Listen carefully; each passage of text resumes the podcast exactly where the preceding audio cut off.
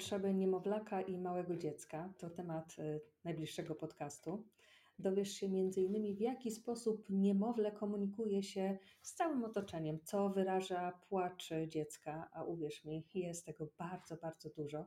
Dowiesz się, czy są w ogóle jakieś na przykład strategie uspokajania niemowlaka, y, jakie potrzeby noworodka y, należy wspierać, a czego powinnaś, powinieneś unikać czy koncentracja uwagi e, i tego, co tutaj się dzieje wokół Twojego dziecka, e, jest e, wrodzona? Czy Ty masz na to jakiś wpływ? W jaki sposób zabawa pomaga rozwinąć mowę u małych dzieci? Jaka jest rola wychowania słuchowego i jej rodzaje? Co to w ogóle jest taki rytm funkcjonowania małego dziecka? E, jak to, jakie są potrzeby sensoryczne, e, wielozmysłowości w rozwoju dziecka, co jest w ogóle przyczyną nadwrażliwości i nadpobudliwości. Z tego wszystkiego, tego wszystkiego dowiesz się z tego odcinka. Gorąco Cię zapraszam. A moimi gośćmi dzisiaj jest neurologopeda Beata Musierowicz i drugi gość Ewelina Chorembała. Ewelina jest e, absolwentką Uniwersytetu Medycznego w Łodzi na kierunku pielęgniarstwo i e, jest absolwentką logopedii na Uniwersytecie Warszawskim. E, ukończyła również studia z wczesnej interwencji logopedycznej na Uniwersytecie Gdańskim i studia podyplomowe z zarządzania w ochronie zdrowia na Politechnice Łódzkiej. Ewelina w pracy zawodowej pełniła m.in. funkcję kierownika do spraw zarządzania personelem medycznym w Wojewódzkim Ośrodku Medycyny Pracy Centrum Profilaktyczno-Leczniczym w Łodzi oraz funkcję koordynatora zespołu pielęgniarskiego, pielęgniarskiego i e, położ, położniczego w Miejskim Centrum e, Medycznym w Polesie w Łodzi. E, Ewelina posiada doświadczenie w komercyjnych i publicznych placówkach medycznych jako właśnie specjalista pielęgniarstwa w medycynie pracy oraz w poradni w zakresie szczepień ochronnych. A z kolei w dziedzinie logopedii Ewelina swoje doświadczenie zawodowe skupiła głównie na e, opóźnionym rozwoju mowy. Chodzi tutaj przede wszystkim o wady szczękowo-zgryzowe, o ankyloglozję i o zaburzenia orofacjalne a e, takim ścisłym e, przedmiotem zainteresowań Eweliny Chorembały jest e, wczesne wspomaganie, profilaktyka i stymulacja rozwoju mowy małych dzieci. Stąd ten temat dzisiejszego podcastu uspokajanie, a potrzeby niemowlaka i małego dziecka. Drugi mój gość, neurologopeda Beata Musierowicz, z zamiłowania do profilaktyki i neurobiologii zawsze stawia e, na pierwszym miejscu motto, że lepiej zapobiegać niż leczyć.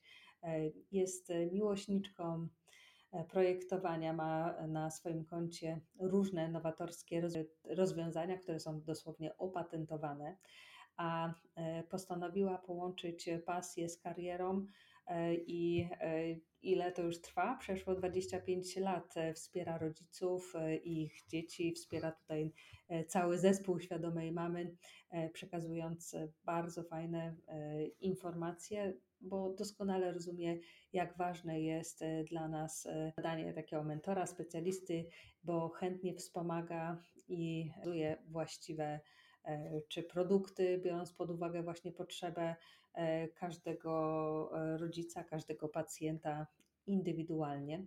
E, Beata ukończyła kierunki dotyczące neurologopedii, surdologopedii, pedagogiki, terapię pedagogiczną oraz wiele innych szkoleń, innymi z zakresu diagnozy i terapii ustno-twarzowej, a na co dzień regularnie bierze udział w licznych warsztatach dla rodziców E, jako na przykład ekspert e, Świadoma Mama. Przygotowuje treści edukacyjne do wielu e, postów, których, które możemy publikować i Wam przekazywać jako taką pigułkę wiedzy. Również autoryzuje wszystkie tutaj nasze treści merytoryczne. Nagrywa z nami webi, webinary, podcasty a prowadzi również fanpage talktalls.pl oraz grupę specjaliści talktools.pl oraz fanpage oddział łódzki klubu J dla osób dorosłych, które mają niepłynność mowy. Beatka też stworzyła audiobooka Akademia Maluszka od łóżka do łóżka i tak jak to cudnie się nazywa, e, tak e, cel tego jest wsparcie rodziców w wychowaniu słuchowo-percepcyjnym, e, bo ważne jest, by u noworodka i niemowlaka od urodzenia przygotowywać odpowiednie, y, ciekawe e, propozycje zabaw i e, na przykład pięknych e, kołysanek, które tutaj rodziców wspierają. Beata jest też ambitną uczestniczką wielu konferencji i szkoleń o tematyce miofunkcyjnej, w tym tych związanych z deficytami stawów skroniowo-żuchwowych, a od wielu lat w swoim gabinecie zajmuje się E, taką diagnostyką i terapią związaną z problemami z mową i artykulacją. E, I w tym przede wszystkim e, noworodków i niemowlaków, stąd tutaj spotkanie ze świadomą mamą i również dzieci przedwcześnie urodzonych w zakresie czy budowy i sprawności żuchwy, języka, warg, policzków, podniebienia, E, bo e, na co dzień bada noworodków, niemowlaków, dzieci przedwcześnie urodzone, e, by wcześniej tutaj wdrożyć i ocenę, i działanie po to, by każdemu z nas pomóc na tym jak najwcześniejszym etapie rozwoju. A w pracy gabinetowej najczęściej uskrzydla Beatę możliwość wspierania i rozwiązywania problemów i doradztwa w zakresie profilaktyki. E, stąd tu wybrzmiewa nasza profilaktyka i temat dzisiejszego spotkania, dzisiejszego podcastu uspokajanie, a potrzeby niemowlaka i małego dziecka. Bardzo proszę. Dzień dobry, dzień dobry, witam Was w kolejnym podcaście i przedstawionych gości. E, cześć Beatko. Cześć, witam serdecznie. Cześć Ewelina. Dzień dobry, cześć. Dzisiaj spotykamy się w temacie uspokajanie, a potrzeby niemowlaka i małego dziecka. To ważny temat. Co dziś e, jest takiego najistotniejszego, co nas skusi ku temu, żeby dowiedzieć się, w jaki sposób niemowlę komunikuje się z najbliższym otoczeniem? Batko. No właśnie, dzisiaj myślę ciekawy temat, ponieważ um, uspokajanie, czyli tak sobie myślałam, jakby to rozpocząć, że jest to pewnego rodzaju dobrostan dziecka. Mhm. Psychologicznie, tak. Mm, właśnie, właśnie. E, dobrostan, e, który dziecko chce, potrzebuje, oczekuje. Mm, I można go podzielić na taką komunikację, która może być słyszalna, ale o tym będzie mówiła Ewelina, mhm. o płaczu, krzyku. E, ale można też podzielić na taką bardzo subtelną komunikację, na przykład swojego stanu, w jakim się dziecko w danej chwili znajduje, bo może być zmęczone, może być niewyspane, może być przestymulowane, może jego układ nerwowy być niedojrzały, co bardzo często się zdarza, szczególnie na początku, w pierwszym miesiącu życia. No, na przykład na to są narażone dzieci przedwcześnie urodzone. Również na to są narażone dzieci o tak zwanej wysokiej, większej wrażliwości. E, ale i również każde dziecko nowonarodzone potrzebuje czasu i potrzebuje mm, tego, aby zrozumieć i zobaczyć jego komunikaty, jakie one będą. Dochodzę teraz do tego, co to może być. To mogą być naprawdę minimalne, drobne zmiany, na przykład zabarwienia skóry,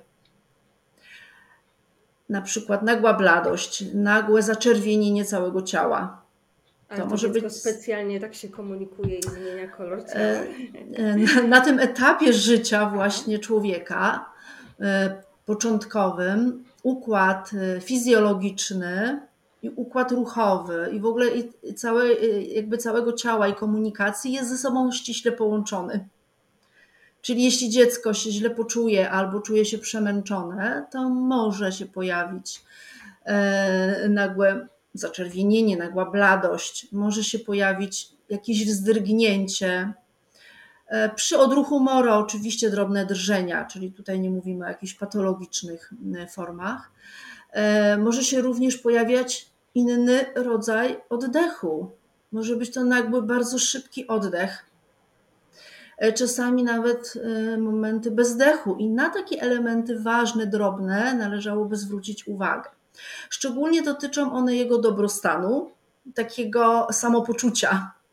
Czy ja się czuję w danej chwili dobrze, na przykład po jakiejś sytuacji. Na przykład było dużo osób w domu e, i teraz jak w aspekcie na przykład koncentracji i uwagi ten noworodek się zachował, tak? I jaką miał koszt jakie koszty poniósł dużej koncentracji i uwagi na tym, co się w jego otoczeniu działo. To jest bardzo istotne.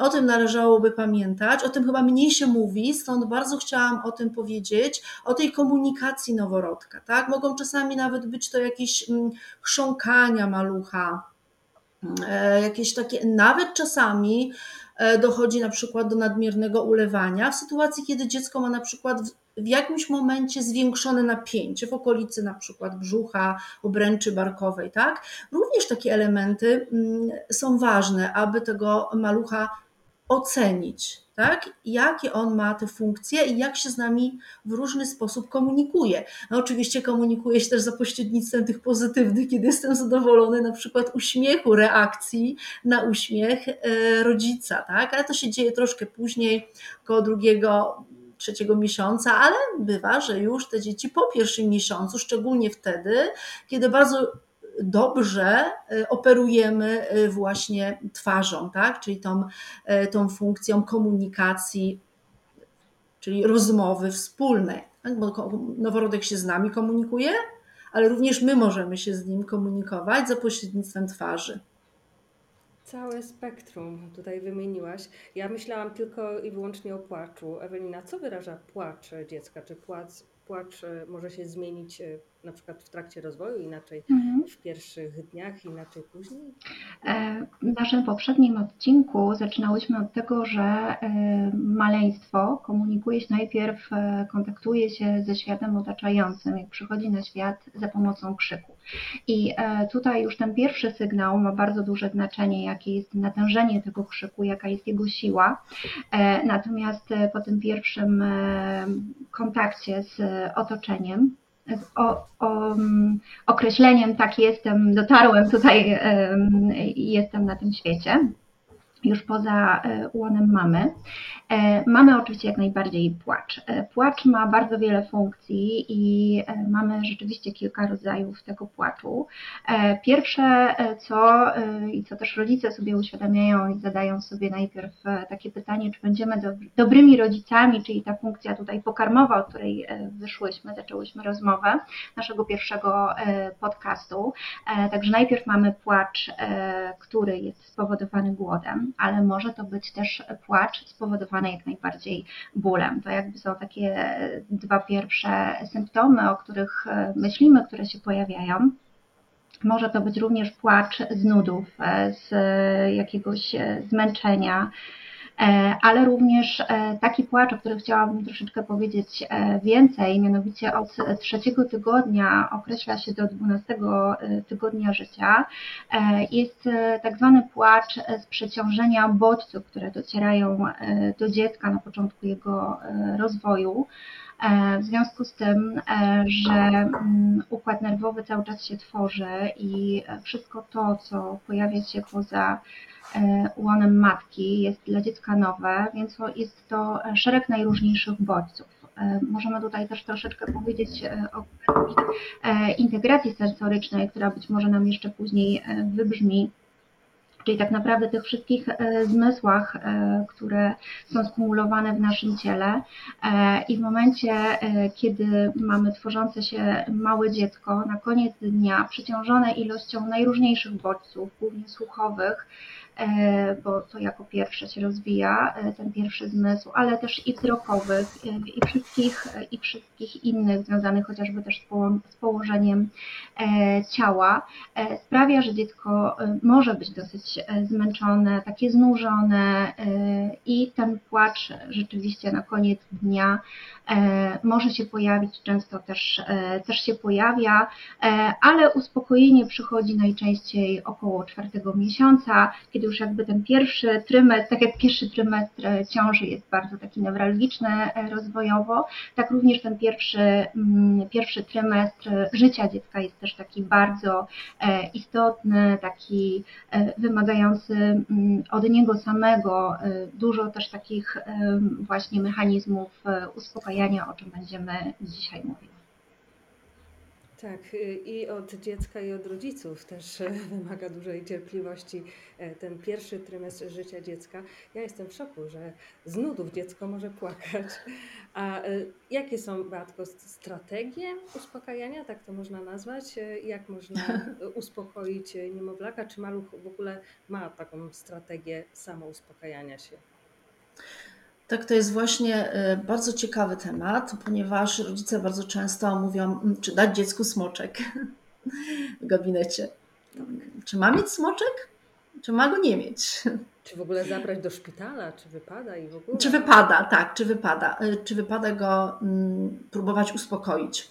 I tutaj chciałabym Państwa uspokoić, że mamy, że mamy mm, nie jedną strategię uspokajania, tylko mamy ich, no w zasadzie, gdybyśmy ich tak podzielili bardzo, bardzo szczegółowo, to byłoby myślę, że ich nawet siedem, ale nie wchodźmy tu w liczby. E, nim chcielibyśmy uspokoić takiego malca, to myślę, że e, rozumiemy sami, że moglibyśmy spróbować, tak jak staramy się sami uspokoić, zapytać go w cudzysłowie, mm, czy on ma strategię samouspokajania co to oznacza? To oznacza po pierwsze, że jeśli dziecko mm, wytrąca się z tego takiego dobrostanu i nagle właśnie stopniowo pojawiają się na przykład jakieś zabarwienia, stopniowo dziecko zaczyna marudzić, a potem zaczyna płakać, to dajmy mu chwilę. Dajmy mu chwilę, żeby zobaczyć, jaka to była reakcja. Hmm? Czyli to jest ten element, dajemy czas na to, żeby dziecko dokonało takiego samouspokojenia. Co zrobi? Czy włoży paluszki do buzi, czy żadnie gdzieś tam się ruszać w tym swoim miejscu, w którym jest. E, to jest nie cenne, wiem. Beatko, bo my, wiesz, zawsze chcemy wyjść o krok, być e, z przodu przed e, dzieckiem. Właśnie. A my mamy być za nim, mamy być za nim. I teraz, jeśli widzimy, że taki maluch faktycznie zupełnie gdzieś tam się wytrącił z takiej równowagi, e, no to po kolei mamy y, neurobiologiczne takie strategie opracowane według Brazeltona, czyli one są wystandaryzowane. I pierwszą to jest po prostu twarz. I teraz to, co robię, face to face. Uśmiech, bez mowy jeszcze. E, czyli dziecko widzi, że rodzic jest. Jestem blisko ciebie, nie martw się. Wszystko będzie dobrze, tak? Czasami wystarczy ten uśmiech, ten komunikat, który jest tym komunikatem niewerbalnym, ale dla dziecka jak najbardziej ważnym. Bo przecież nie mówi, więc te wszystkie komunikaty niewerbalne są dla niego jak najbardziej odczytywalne. On je odczytuje.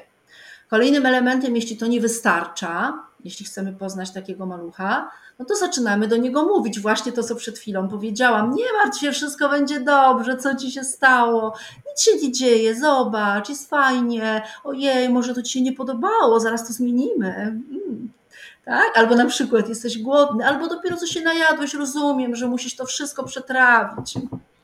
I się dalej uśmiechamy. To jest drugi element, kiedy niektóre dzieci pozostają na tym etapie, ale bywa, że ten etap nie wystarczy i chciałbym czego. No, tego, o czym będziemy w tej integracji sensorycznej mówić, czyli kolejnego zmysłu, jakim jest dotyk. Czyli taki maluch będzie chciał, abyśmy go objęli.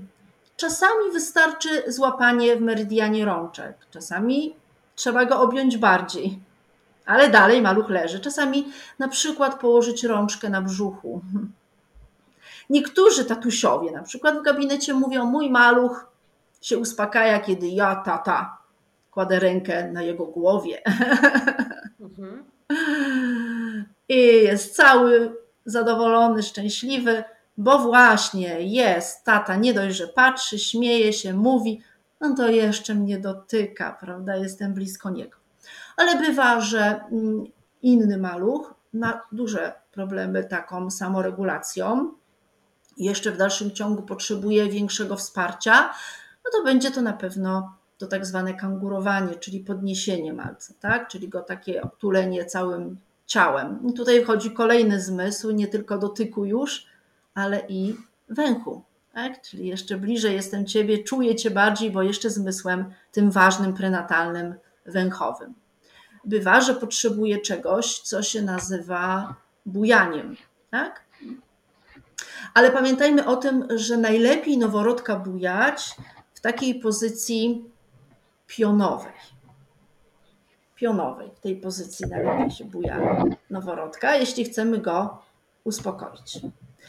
E, to jest najlepsza pozycja i też nie bujamy go bardzo szybko, tylko równo, rytmicznie, spokojnie.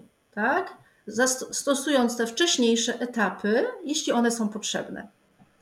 E, kolejnym etapem uspokajania takiego malca będzie ewentualnie jego zabezpieczenie jego funkcji ruchowych, szczególnie na przykład nóżek, ponieważ przez pierwsze dwa miesiące taki noworodek nie jest w stanie koordynować ruchem rąk i nóg. Tak? To mu bardzo sprawia duży problem i bywa, że bardziej jeszcze go wytrąca z takiego dobrostanu.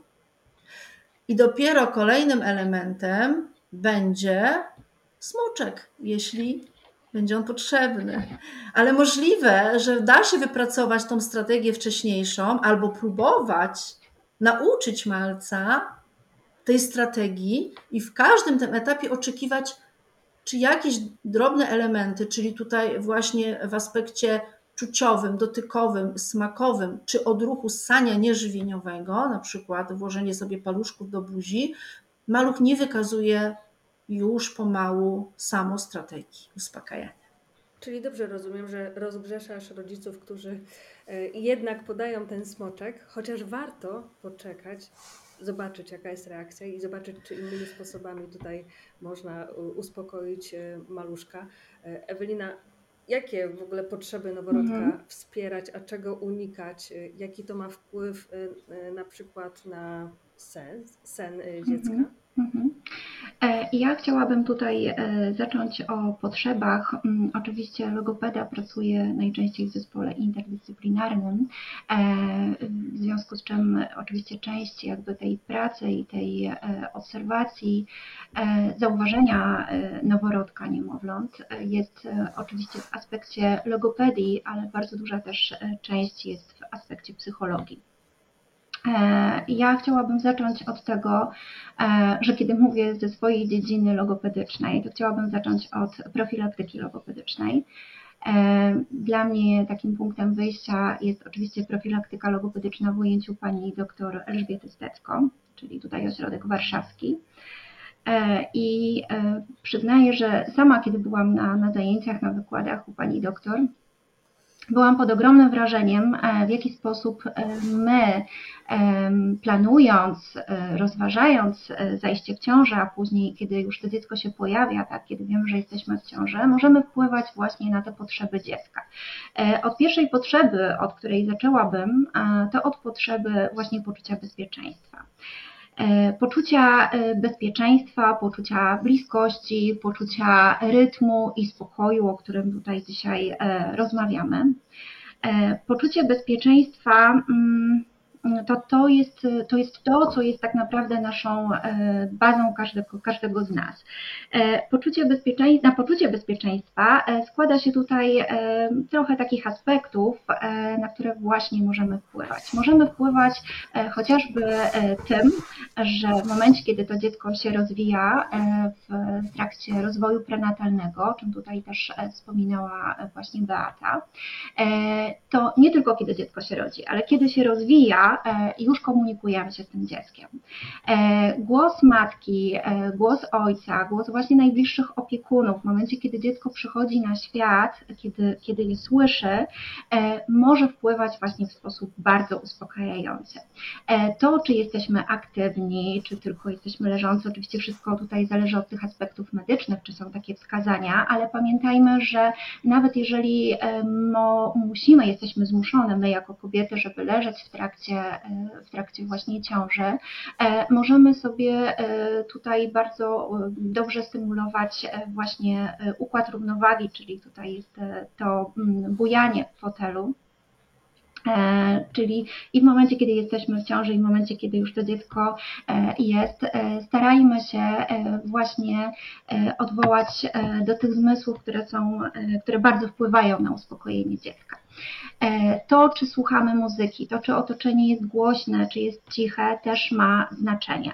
E, badania dowodzą, że dziecko do 8, mm, maksymalnie do 12 e, miesiąca jest w stanie nauczyć się każdego języka. Zobaczmy, jakie to jest niesamowite, że tak naprawdę e, język ojczysty to jest ten język, którym, który słyszy na, na co dzień, to jest ten język, którym ma najwięcej styczności i w tym okresie rozwoju prenatalnego i w tym momencie, kiedy, kiedy słyszy, kiedy komunikują się z, nimi rodzice, z nim rodzice.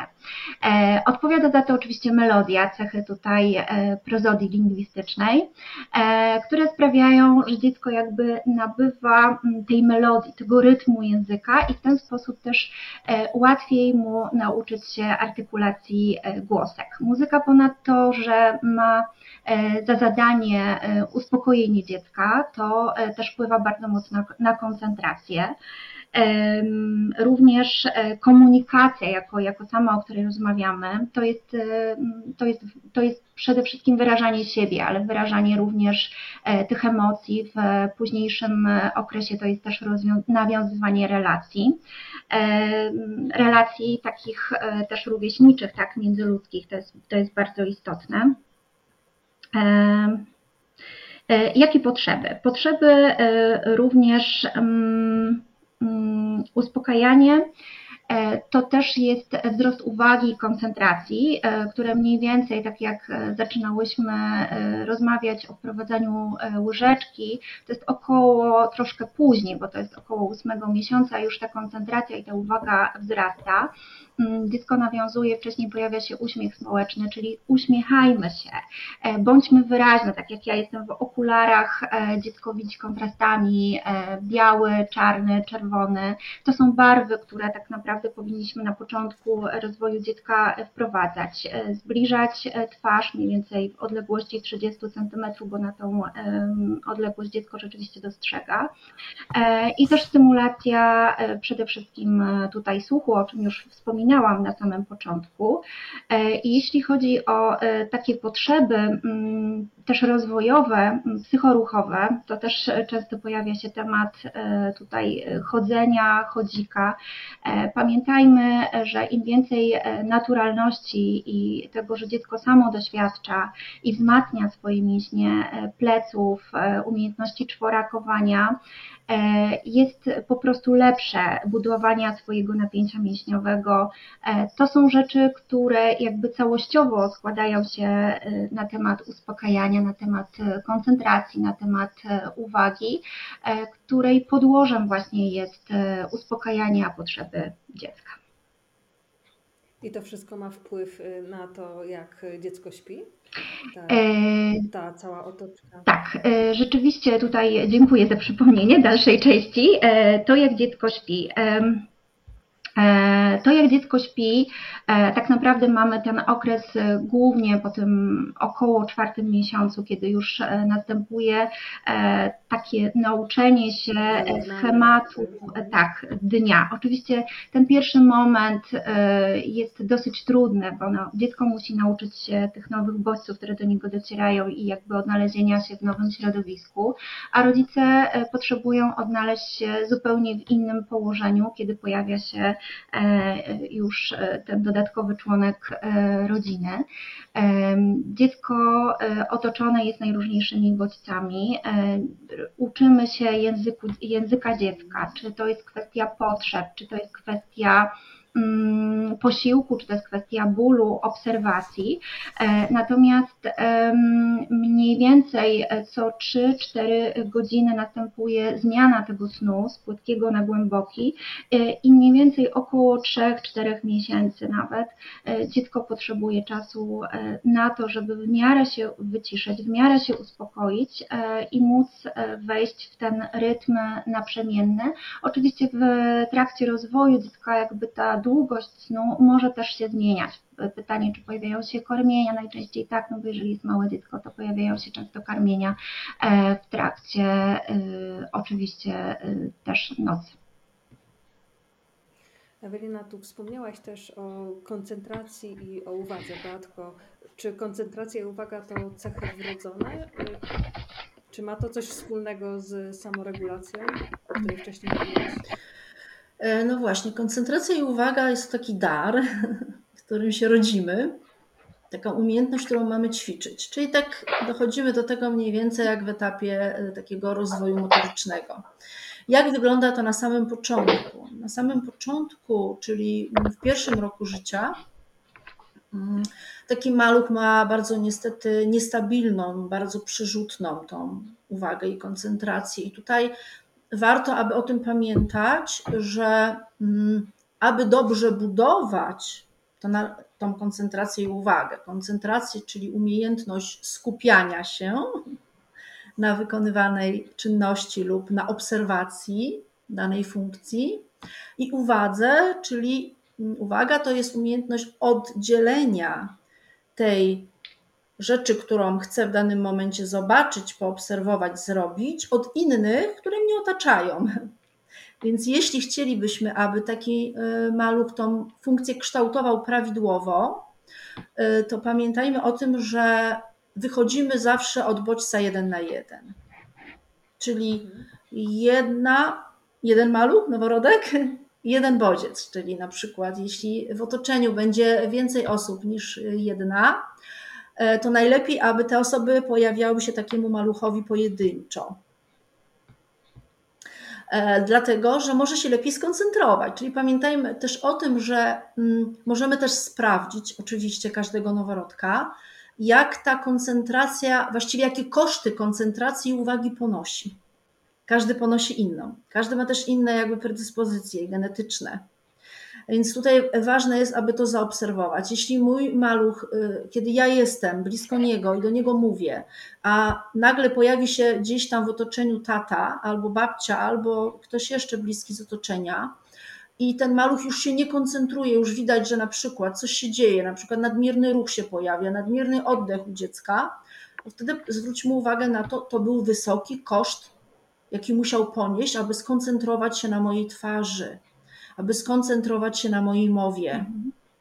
Jeśli widzimy, że ten koszt jest duży, na przykład dziecko potem jest bardzo marudne, bardzo, albo bardzo przemęczone, nagle wpada na przykład w stan snu nagły, wcześniejszy niż zwykle, albo za wcześnie wpada od razu w takie odcięcie, e, no to zwróćmy uwagę na to, że ta umiejętność, budowanie się tej funkcji koncentracji i uwagi jest u niego no dłuższe, tak? Czyli dajmy mu lepsze warunki, stwórzmy mu lepsze warunki do tego, aby mógł tą funkcję lepiej budować. Czyli jeśli ma się skoncentrować na jedzeniu, Szczególnie to dotyczy dzieci takich, które już lepiej widzą po trzecim, czwartym miesiącu, y, kiedy ten ośrodek wzrokowy już jest taki bardzo aktywny. Mhm. Pamiętajmy o tym, żeby zwrócić uwagę na to, czy nie jest nadaktywny, czy ta przerzutność nie robi się zbyt duża czyli czy może się skoncentrować. Wiele mam przychodzi często do gabinetu, moje dziecko chyba ma problem z karmieniem, bo mhm. właśnie w tym okresie nie koncentruje się, nie je, odmawia jedzenia. Mogą być to oczywiście różne powody, motoryczne również, całego ciała, napięcia i tak dalej, ale czasami bywa to właśnie to, że ta przerzutność uwagi jest zbyt duża i noworodek po prostu kieruje się swoją uwagą, czyli obserwacją, nadmierną obserwacją otoczenia z zewnątrz w stosunku do czynności, którą ma wykonać. Co ma to wspólnego z samoregulacją? No właśnie, co koncentracja ma wspólnego? Jeśli ja chcę się wyciszyć, to muszę umieć skoncentrować się na sobie. Mhm. Tak? Czyli muszę mieć takie możliwości, aby, aby się umieć skoncentrować, czyli umieć absolutnie dokonać tak zwanej habituacji, czyli odcięcia od rzeczywistości. Bywa, że niektóre noworodki rodzą się z taką bardzo dużą potrzebą aktywności. Teraz, jeśli taki noworodek ma bardzo dużą potrzebę aktywności z urodzenia, to nie dajemy mu za dużo bodźców, właśnie odwrotnie. Dajemy mu minimalną ilość bodźców, aby ćwiczyć u niego lepszą koncentrację, skupienie i uwagę. Tak? Czyli to byłoby bardzo istotne rozwoju. Czyli, czyli to jest też tak, że wydawało mi się, że e, wyłączamy radio, wyłączamy e, telewizję, -hmm. wszelkiego rodzaju bodźce zewnętrzne ograniczamy, ale tu chodzi też o to, żeby ograniczyć tą ilość osób, które e, nas odwiedza, szczególnie na samym początku, żeby też e, to wyeliminować. Prawda? To jest bodziec kolejny, wzrokowy jest jak najbardziej silnym bodźcem. Każdy bodziec, e, jeśli ćwiczymy koncentrację i uwagę, to jeśli mamy dać mu warunki, to zobaczmy jaki jest, jaki jest koszt tego noworodka, kiedy musiał się skoncentrować na danej osobie, a w otoczeniu było więcej osób albo więcej bodźców. Na przykład jakaś interesująca zabawka o, zabawka. No to jest temat, który po prostu e, też tutaj e, uratuje bo e, Ewelina, w jaki sposób zabawa pomaga, pomaga rozwinąć mowę u małych dzieci? Co my możemy zrobić tą zabawą? E, mamy rzeczywiście bardzo dużo na rynku e, obecnie kolorowych, przede wszystkim piszczących, gwiżdżących, e, mocno oddziałujących zabawek. uspokajających. Tak. No, pierwszym oczywiście z, takim, z takich zabawek to są wszelkiego rodzaju jakieś tam misie, przytulanki, kocyki. To też jest, to jest też bardzo tutaj istotny aspekt naszej zabawy i otulenia. E, ale e, jeżeli mówimy o zabawkach, e, to starajmy się skupiać przede wszystkim na tym, co tutaj z naszej strony myślę, że dosyć mocno wybrzmiewa, jeden na jeden, czy też dwa na dwa, czyli przede wszystkim ograniczenie ilości bodźców. W momencie, mm, kiedy zadajemy sobie pytanie, mm, czym jest zabawa, to tak naprawdę pytamy, czy dziecko w ogóle potrafi umieć się bawić to jest dosyć istotne. Czy dziecko po prostu wie, jak się bawić, e, czym się bawi, e, w jakim kontekście też się bawi, czy w trakcie tej zabawy jest poszukujące, e, czy w trakcie tej zabawy jest, jest głośne, czy potrafi się sobą zająć, czy też bardzo mocno absorbuje no właśnie najbliższe otoczenie do zabawy. Oczywiście w pewnym, w pewnym momencie będzie to, za, to zaproszenie do zabawy. Pojawi się gest, podejście, z skinienie najbliższe otoczenie, że jednak potrzeba tej inicjatywy z drugiej strony. E, natomiast e, mm, próbujmy znajdować takie mm, zabawki, w których my sami, może też trochę jako, jako rodzice, którzy poszukują, czy też najbliższe otoczenie, które poszukuje tych zabawek, e, nie będzie sprawiało, że w którymś momencie będziemy po prostu zmęczeni. Mm, weźmy pod uwagę, że dziecko e, też w trakcie tej e, zabawy wyrabia sobie właśnie tą koncentrację, wyrabia sobie tą uwagę. Jeżeli mamy piszczące, mamy szeleszczące, mm, mamy kolorowe, bardzo dużo bodźców właśnie tutaj słuchowych. Jak długo ta zabawa ze strony dziecka może być? Zauważmy, że mm, dzieci się bardzo szybko nudzą tymi zabawkami, a przecież chcemy mieć chwilę spokoju, ale też chcemy i prawidłowo rozwijać oczywiście nasze dzieci. Starajmy się, żeby tych bodźców było jak najmniej w tych właśnie zabawkach, ale też na, na rozwój dziecka, rozwój mowy wpływa również jak najbardziej e, telewizja. E, sposób e, komunikacji to też sposób komunikacji, którą dziecko nabywa, przyjmuje od najbliższego otoczenia. Jeżeli otoczenie jest otwarte, jest głośne, komunikujące się, tłumaczące, czyli wszystko w zakresie właśnie tej profilaktyki i stymulowania rozwoju mowy, to też będziemy w ten sposób dziecko to, co obserwuje, to, co widzi, przetwarza te bodźce, do niego docierają, koduje e, i rzeczywiście w późniejszym etapie mm, to, y, to się przekłada na jego rozwój, tak? Też no właśnie w aspekcie e, tutaj e, sposobu komunikacji. E, chciałabym jeszcze e, tutaj powiedzieć, że oczywiście najpierw pojawia się ten, najpierw pojawia się ten telewizor, ale później pojawiają się też e, gry. Mm, Sposób komunikacji to też jest taki e, moment, kiedy komunikujemy się i potrzebujemy mieć chwilę przerwy, takiej ciszy, e, właśnie tej przestrzeni na odpowiedź e, z drugiej strony. Dziecko małe, które jest przebodźcowane też tutaj tymi mm, bodźcami wzrokowymi, słuchowymi, mm, czyli dziecko, które właśnie bardzo dużo ogląda telewizji, to e, dziecko, e, które w pewnym momencie, kiedy zadamy mu jakieś pytanie albo czegoś oczekujemy, e, nagle się wytrąca z takiej, z takiej jakby jakiejś, no właśnie, jakiegoś takiego zawieszenia, ponieważ jest bardzo przejęte e, i tutaj okazuje się, że tak dużo pojawia się też w trakcie tego obrazu, filmu, w przekazie, czy też nawet w bajkach, e, że y, dziecko jest bardzo rozdrażnione, pojawia się płacz, e, pojawia się po prostu stres, wynikiem tego, tego jest stresu, także też zastanówmy się, jeżeli chcemy rzeczywiście rozwijać nasze dziecko, starajmy się dążyć do tego, co y, gdzieś tam pojawiało się trochę wcześniej, y, kiedy, mm, kiedy w tych zabawkach nie było y, tego wszystkiego na, na tyle dużo, na tyle, na tyle dużo, co oddziaływało na, na nasz układ nerwowy, na nasz rozwój. No właśnie, niby zabawa, a zobaczcie, jaki macie wpływ, drodzy rodzice, na to, jaką prowadzicie też narrację, w jaki sposób wspieracie E, a nie e, eliminujecie e, tego, co, co, może się rozwijać w dziecku. Wow, no to bardzo ciekawe, po prostu rozwijacie nam wszystkim horyzonty. A z kolei Beatko, jaka jest rola wychowania słuchowego i jej rodzaje, która spoczywa tutaj na nas, na rodzicach? No właśnie, Ewelina powiedziała o zabawkach, Mhm. Czyli bym powiedziała o neurobiologicznej funkcji dziecka, jaką jest zabawa. Tak? Jeszcze bym podkreśliła tylko, że zabawa nie musi być koniecznie związana z zabawką. Może być to zabawa po prostu z drugim człowiekiem, różnymi zabawami ruchowymi, e, bez udziału pięknych zabawek, o czym też pamiętajmy.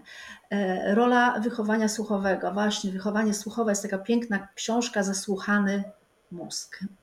Rzeczywiście mózg potrzebuje czego? No, potrzebuje wibracji, potrzebuje fal. No oczywiście stworzyliśmy różnego rodzaju dźwięki, które nazywają się muzyką. Pamiętajmy o tym, że to wychowanie słuchowe możemy podzielić na wiele aspektów. Czyli to jest wychowanie muzyczne, bardzo istotne. To jest ta prawa półkula, to jest ta rytmizacja, to jest też uspokojenie, to jest też y, możliwość y, ćwiczenia sobie wysokości tonu mowy, płynności mowy, mm, takiej mm, pięknej mowy, spokojnej mowy, ale też dźwięków z otoczenia. Tak? Czyli to jest drugi element, wychowanie muzyczne, dźwięki z otoczenia, czyli te dźwięki, które dziecko otocza, e, otaczają w życiu społecznym, na razie tym pierwotnym, podstawowym. I tutaj też bym chciała zwrócić uwagę na to wychowanie słuchowe dźwięków naturalnych z otoczenia, żebyśmy umieli je też zrozumieć dobrze, że im bardziej one są naturalne, Tym lepiej, tak? Czyli jeśli chcielibyśmy mm, e, powiedzieć tutaj o tych dźwiękach na przykład białym szumie, tak? w ogóle szumach, które się pojawiają, czy tam dźwiękach ptaszków, jeśli to jest wiosna, lato, mm, to oczywiście im bardziej możemy to zrobić w sposób naturalny, tym lepiej, dlatego że żaden instrument, żaden sprzęt, który miałby imitować ten dźwięk, e, no nie będzie go e, mógł w taki naturalny sposób mm, dostarczyć e, dla mózgu. Jednocześnie ważne, ważne są te zewnętrzne warunki. Ale kolejnym takim elementem wychowania słuchowego będzie nie tylko muzyka przepiękna ze śpiewem na przykład, ale będzie też mowa. To jest też wychowanie słuchowe, i tutaj ważną rzeczą jest, aby pamiętać, że ten ośrodek słuchowy, tutaj Ewelina wspomniała o tych umiejętnościach od początku, kiedy, kiedy mm, rodzimy się jako taka czysta karta słuchowa i możemy się nauczyć każdego języka. E, oczywiście prenatalnie jesteśmy już predysponowani do tego języka, e, który słyszany był, do tej rytmizacji słyszanej, tej melodii języka polskiego, w tym wypadku naszego języka ojczystego polskiego. Więc pamiętajmy o tym, że e, to przygotowanie, te podwaliny należy kontynuować, czyli równomiernie wychowujemy dziecko słuchowo, muzycznie, jako instrumenty, muzyka, poprzez dźwięki z otoczenia, ale również i mowa. Czyli te trzy czynniki muszą ze sobą być ściśle zintegrowane w ciągu dnia. Co to znaczy? To znaczy, że jak leci muzyka, to nie mówmy do dziecka, bo po pierwsze nie ćwiczymy jego koncentracji uwagi, e, a po drugie dziecko ma problem, żeby, jak, jak widzimy, jak wynika z umiejętności dziecka w koncentrowaniu i w uwagi, ten koszt będzie bardzo duży i może dojść do czegoś takiego jak habituacja, czyli odcinanie się od tych dźwięków, które do tej pory były niesłyszalne albo niezrozumiałe. Czyli jeśli dziecko będzie słyszało na przykład ciągle w otoczeniu gdzieś tam grający telewizor, E, czy na przykład nawet e, radio. Czasami mamy mi pytają, mówią, że ja bardzo lubię słuchać muzyki w ciągu dnia. Jaki to będzie miało wpływ na rozwój mowy mojego dziecka? I tutaj ważne jest, aby umieć rozgraniczyć. No niestety, jeśli chcemy rozwijać mowę, to dziecko musi mieć jak najlepsze warunki do usłyszenia tych form werbalnych. Czyli jeśli mówimy coś do dziecka, to jeśli muzyka gdzieś tam jest w tle, to na pewno będą to gorsze warunki do tego wychowania mm, całościowego, słuchowego, do rozwoju mowy, do tego, co ma się zadziać w pierwszym e, roku życia, ale też i do mm, ilości wokalizacji. Bo jeśli, kiedy dziecko będzie wokalizować? Wtedy, kiedy będzie miało możliwość komunikacji. Mhm. Tutaj rozwój jakby tych, tej umiejętności komunikacyjnych powiązanych właśnie z tą funkcją wychowania słuchowego, tutaj się y, kształtuje inaczej. W aspekcie wychowania muzycznego i dźwięków z otoczenia nie mamy komunikacji, prawda? No, na tym etapie jej nie mamy, ale już w aspekcie rozwoju werbalnego domowy powinniśmy kształtować komunikację. Czyli przewaga rozmowy, dialogu z dzieckiem, jeśli dziecko mówi babu, be, albo ha, ha, ha, albo coś tam innego wybrzmiewa, albo gr, to my powinniśmy jakby komunikować to również do niego. Tak? To jest wtedy uczenie tej rozmowy, czyli tego, co jest prenatalne w rozwoju e, językowym. To nie jest dial, to nie jest monolog, mowa, opowiadanie, tylko komunikacja. To jest ta funkcja, która e, rozwija się na początku e, w trakcie rozwoju mowy. Czyli tutaj uważać powinniśmy też na te niepokojące sygnały. Jeżeli idziemy E, na spacer, tak, e, to nie w gąszczu samochodów i tych dźwięków, e, tylko w gąszczu lasu, przyrody i nie zakłócamy tego swoim tutaj opowiadaniem, tylko dajemy dziecku przestrzeń, żeby nasyciło się tymi dźwiękami z zewnątrz, tak? Dobrze to rozumiem? I różnorodność tych dźwięków, i żeby to było wtopione w życie społeczne, czyli żeby to nie było sztuczne. Czyli jeśli faktycznie jedziemy ulicą no to jedziemy ulicą kawałek, prawda? Ale starajmy się wybierać różne miejsca, w które, jeśli możemy, prawda, wybrać takie miejsca, żeby dziecko miało szansę przebywać w różnym otoczeniu społecznym, y, dźwięków, ale jednocześnie ograniczać te dźwięki, które byłyby nadmiernie sztuczne. Czyli jeśli to mówilibyśmy tutaj o szumach takich, które miałyby być podawane jako uspokajanie, to też zwróćmy uwagę na pewną równowagę.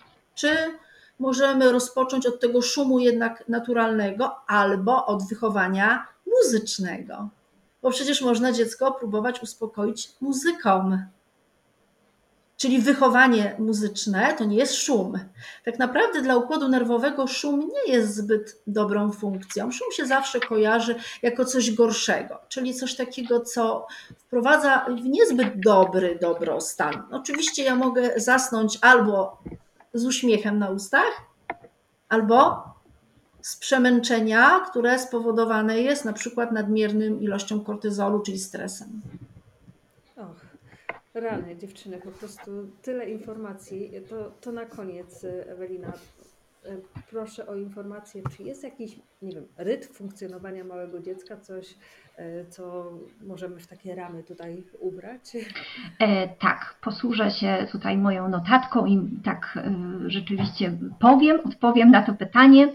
E, mamy pierwszy, drugi rok życia, mamy rozwój reakcji posturalnych i e, kontroli ciała, następnie jest e, pozycja ciała, rozwój schematu własnego ciała, umiejętność planowania nowych ruchów, czyli tutaj praksja, bardzo oczywiście potrzebna nam logopedom. E, później idziemy dalej, mamy trzeci taki rozdźwięk do piątego roku życia, mamy bardzo dużo zabaw ruchowych i szósty rok życia to jest ta gotowość e, do nauki szkolnej. E, umiejętność kontroli e, poziomu aktywności, koncentracji, czasu uwagi, organizacji i zachowania myślenia abstrakcyjnego oraz przyczynowo-skutkowego. To w takim bardzo dużym, e, dużym skrócie, ale też jeszcze chciałam chwilkę się odnieść do tego wychowania muzycznego. Przygotowując się do, do dzisiejszego spotkania, tutaj z nami, oczywiście z Państwem przede wszystkim, e, wygooglowałam sobie, jakie są e, metody na uspokajanie dziecka i rzeczywiście dużo, dużo było ciekawych pomysłów. Patent na przykład z odkurzaczem, to jest kwestia właśnie też tych szumów, e, ale zobaczmy, mm, jak łatwo tak naprawdę możemy sami dać dziecku rzeczy, o których może czasami nie pomyślimy. Była swego czasu taka akcja czytania dzieciom e, na noc książeczek. E, I tutaj rewelacyjny mm, wiersz Lokomotywa Juliana Tuwima, gdzie możemy tam bardzo dużo właśnie przekazać tych cech prozotycznych, e, tej rytmizacji, melodii, szybko, wolno, cicho, głośno. Zobaczmy, to jest coś, co możemy tak naprawdę dziecku dać, przy tym będziemy się sami bardzo, myślę, że też i bawić. E, poza tym e, mamy też czas na reakcję ze strony dziecka, na uśmiech, na jego reakcję, na, na to, żeby, żeby, żeby pojawiło się coś u tego dziecka. E, możemy słuchać muzyki, muzyka łagodzi obyczaje i rzeczywiście bardzo, bardzo nam pomaga.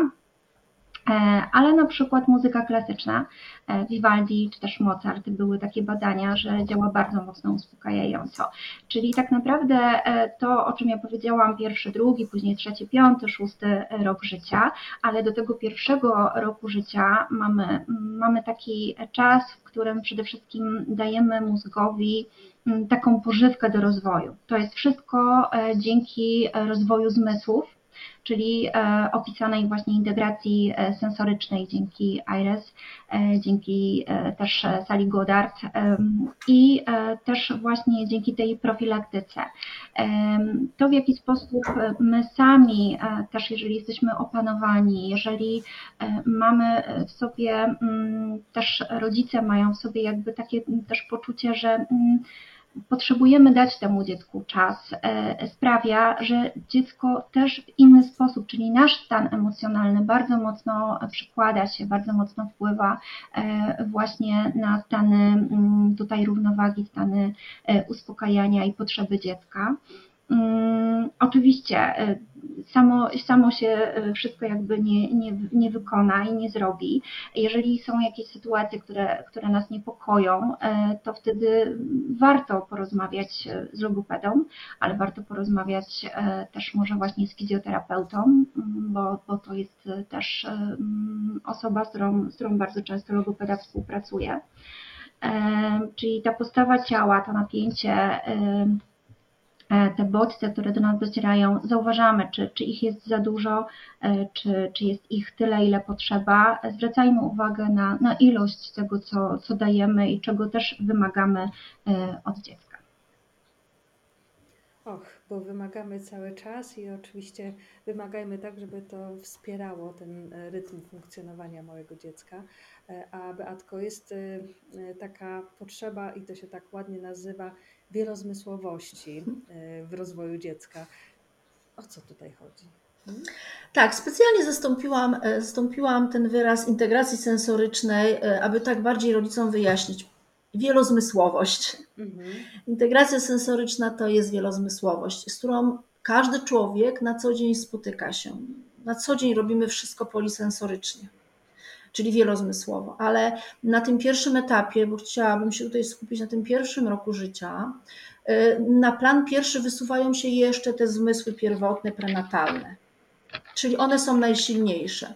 I chciałabym, żeby tu bardzo dobrze wybrzmiała ważna rzecz, że tym zmysłem mm, bardzo istotnym jest zmysł słuchu, który już w okresie prenatalnym jest aktywny, który zaczyna swoją pracę, jest bardzo wrażliwy przez pierwsze dwa miesiące życia noworodka, ponieważ właśnie jeszcze raz podkreślmy to, dzięki temu zmysłowi noworodek może się uczyć każdego języka po urodzeniu. Czyli gdyby nasze dziecko nagle e, przeniosło się do Chin, albo gdzieś tam do Korei i było tam wychowywane, to nauczyłoby się właśnie tamtego języka mhm. również, ponieważ ten ośrodek słuchowy ma takie kompetencje z urodzenia.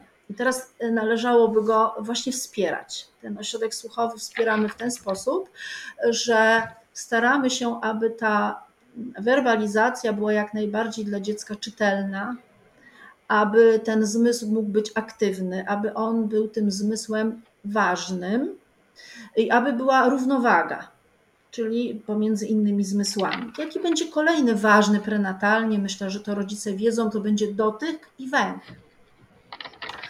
Te kolejne dwa zmysły były bardzo aktywne i one dalej y, pełnią taką rolę i rozwojową, ale i głównie rolę poczucia bezpieczeństwa.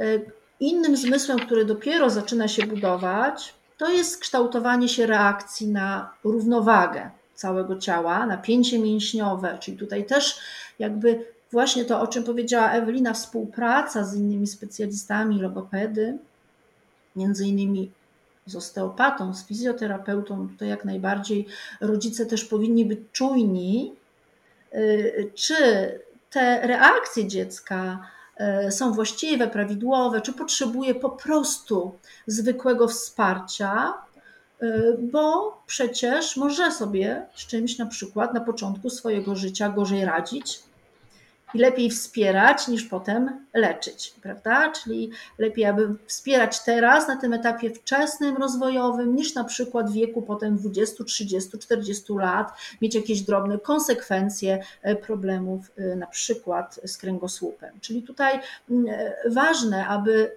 te pierwsze polisensoryczne funkcje, które się zaczynają integrować ze sobą, E, były y, dobrze harmonijnie rozwijane z takim ważnym aspektem, aby zwrócić uwagę, do czego one są potrzebne. Czyli dlaczego ten zmysł słuchu jest potrzebny? No dlatego, że rozwijamy się w aspekcie tutaj wychowania słuchowego, ale pierwszym elementem, który wysunie się tutaj na czoło, będzie mowa. Czyli jeśli ona się ma rozwinąć, to mm, ważne, aby ten o tym zmyśle pomyśleć. Czyli na przykład, czy dziecko nie ma jakichś problemów z, z przetwarzaniem słuchowym. Tak? Czyli jakie tu mamy ryzyko na przykład? Czy dziecko e, może odcina się zbyt często od mowy, albo na przykład jest bardziej czułe na reakcje wzrokowe, a nie na reakcje słuchowe. E, jeśli tak jest, no to zwróćmy uwagę, może tu być jakiś problem z przetwarzaniem słuchowym. Jeśli ma słabą, słabo buduje mu się ta koncentracja i uwaga, e, bo jest bardzo męczliwy albo rozkojarzony, też jest to symptomy, są to podstawowe symptomy do określania dziecka z ryzyka problemów z przetwarzaniem słuchowym. Jeśli na przykład słabo gdzieś tam odwraca główkę, słabo fiksuje oczami w kierunku dźwięku, które już w pierwszym, drugim miesiącu kształtuje się laterali, e, kształtuje się tak by e, odbieranie dźwięków z, z, lewej czy z prawej strony, mówiąc tu w prosty sposób, tak? Czyli z której strony słyszę ten dźwięk, tak? Czyli dziecko musi identyfikować, uczyć się identyfikowania tego dźwięku, czy ono jest z prawej czy z lewej strony. Jeśli nie reaguje zbytnio, albo nie ma stworzonych do tego warunków, prawda? Bo jeśli dźwięk jest cały czas w jednym miejscu, czyli cały czas podkorowo jest gdzieś tam ta muzyka albo gdzieś tam ta telewizja, no to pamiętajmy, że nie ma stworzonych warunków do tego, aby ćwiczyć lokalizację dźwięku. E, ważne, aby te elementy e, zauważać. Czy po pierwsze stwarzam warunki i jak dziecko reaguje. Czy dziecko na przykład E, posiada umiejętności habituacji, czyli umie się odciąć od dźwięków powtarzalnych stale. Czy jednak nie? Czy muszę chodzić na paluszkach? Stale muszę to dziecko bardzo gdzieś tam od tych innych y, y, dźwięków odgradzać go, tak? Czy zabierać z tego pomieszczenia? Czy na przykład musi stale spać w takim pomieszczeniu, w którym no nic do niego nie dociera, ponieważ nie wytwarza w sobie tej umiejętności odcięcia się od dźwięków z otoczenia. Czy taki maluch po pierwszym roku życia, około drugiego roku życia, kiedy na przykład mm, czytamy mu książeczkę albo rozmawiamy z nim, stale reaguje na dźwięki z otoczenia, czyli na przykład gdzieś tam coś zapukało, albo ktoś tam coś zrobił, albo stale ktoś na przykład mm, wykonuje jakąś czynność, bo na przykład jest przyjechała jakaś koparka, tak? ale ona jest tam stale na przykład przez dwa tygodnie, trzy i to dziecko stale e, patrzy tylko na tą koparkę i nie umie się skoncentrować na tych funkcjach słuchowych e, czy na czynności, które mm, wykonuje tu i teraz, no to znaczy, że mamy tutaj już jakąś taką e, czerwoną flagę. Należałoby tą funkcję mm, u takiego malucha wzmocnić. Tak? Czyli ta polisensoryczność jest z jednej strony ogromna, bo na przykład nadwrażliwość, na przykład na jakieś y, faktury albo na dźwięki takie szeleszczące. Zwróćmy też uwagę na te zabawki, które mm, mogą być fajne, mogą wydawać fajne dźwięki, ale czy faktycznie dziecko nie jest zbyt przemęczone tymi dźwiękami? Czy one faktycznie go uspokajają? Czy one wprowadzają go w tak zwany dobrostan? Ojej, po prostu wymieniłaś tutaj wiele zmysłów, na, które, na których trzeba się skupić, e, zobaczyć, zrównoważyć je. Jeżeli widzisz, że gdzieś czegoś jest więcej, a czegoś mniej, e, to najlepiej ja bym przynajmniej skonsultowała to e, z Wami. A co jest, Ewelina, taką przyczyną takiego zachowania nadpobudliwego u dzieci, takiej nadwrażliwości? Mhm. E, właściwie odpowiedź na to pytanie z naszej strony już padła, mm, czyli przebodźcowanie, czyli za dużo e, wszystkich e, bodźców, które docierają do, do zmysłu dziecka i sprawia to, że dziecko zwyczajnie, ponieważ jest niedojrzały jeszcze ośrodkowy układ nerwowy, nie jest w stanie mm, tego zaakceptować. Mm, mózg prawidłowo funkcjonuje, jeżeli zachodzi w nim równowaga czyli e, odpowiedni, e, dostateczny dobór, e, dobór bodźców zmysłowych rozwija, natomiast w momencie, kiedy tych bodźców jest za dużo, staje się to albo nadwrażliwością, albo, mm, albo brakiem tej, tej pobudliwości i to też jest jakby jeszcze inny aspekt. Staramy się tego unikać, czyli, czyli tej ilości wielozmysłowości, czy też zmysłów najróżniejszych integracji sensorycznej, jakkolwiek to e, nazwać, ponieważ e, jakby też zauważamy coraz większą taką, nazwałabym to tendencją do, do jakichś symptomów ADHD. Myślę, że, że każdy jakby też zdaje sobie sprawę, czym jest. Czyli są to przede wszystkim zaburzenia nadpobudliwości psychoruchowej, ale też z deficytami koncentracji. Chcemy tego uniknąć, ponieważ w momencie, kiedy dziecko osiąga już blisko ten szósty, siódmy rok życia, mówimy o gotowości szkolnej. W gotowości szkolnej jednym z aspektów jest e, też e, koncentracja i uwaga, która jest jednak bardzo, bardzo istotna. E, żeby też mogła rozwinąć się koncentracja i uwaga, to też potrzebujemy się komunikować, odpowiadać na przemienność, przestrzeń, czyli całe to otoczenie, które, które budujemy sobie już od samego początku, czyli w ramach tej profilaktyki prenatalnej, rozwoju prenatalnego dziecka, ale też i tego pierwszego roku życia, który jest e, najbardziej tutaj e, istotny. Można też tutaj, e, myślę, że wspomnieć o neuroplastyczności mózgu. Neuroplastyczność naj, najbardziej rozwija inaczej to jest około 12 roku życia, dotąd e, jakby mamy ten, ten, te możliwości właśnie przyjmowania funkcji jednej półkuli e, przez drugą, jeżeli z jakichś powodów e, coś tam nie działa, nie rozwija się w rozwoju dziecka. Mm, natomiast najbardziej intensywny okres to jest okres około 18 miesiąca, czyli zobaczmy jak wiele czynników może wpłynąć właśnie na ten rozwój emocjonalny, rozwój interpersonalny, rozwój społeczny i rozwój e, komunikacji. O, w ogóle jak wiele tutaj tych potrzeb niemowlaka, każdego tutaj e, naszego dziecka jest, to wymieniłyście ogrom tego wszystkiego. Ślicznie, ślicznie Wam dziękuję. Beata, Ewelina, naprawdę Dziękujemy. przekazałyście nam dużo wiedzy. Dziękujemy bardzo, dziękuję bardzo. Dziękuję, dziękuję bardzo. Co w następnym podcaście? Zobaczymy, jakie będą potrzeby.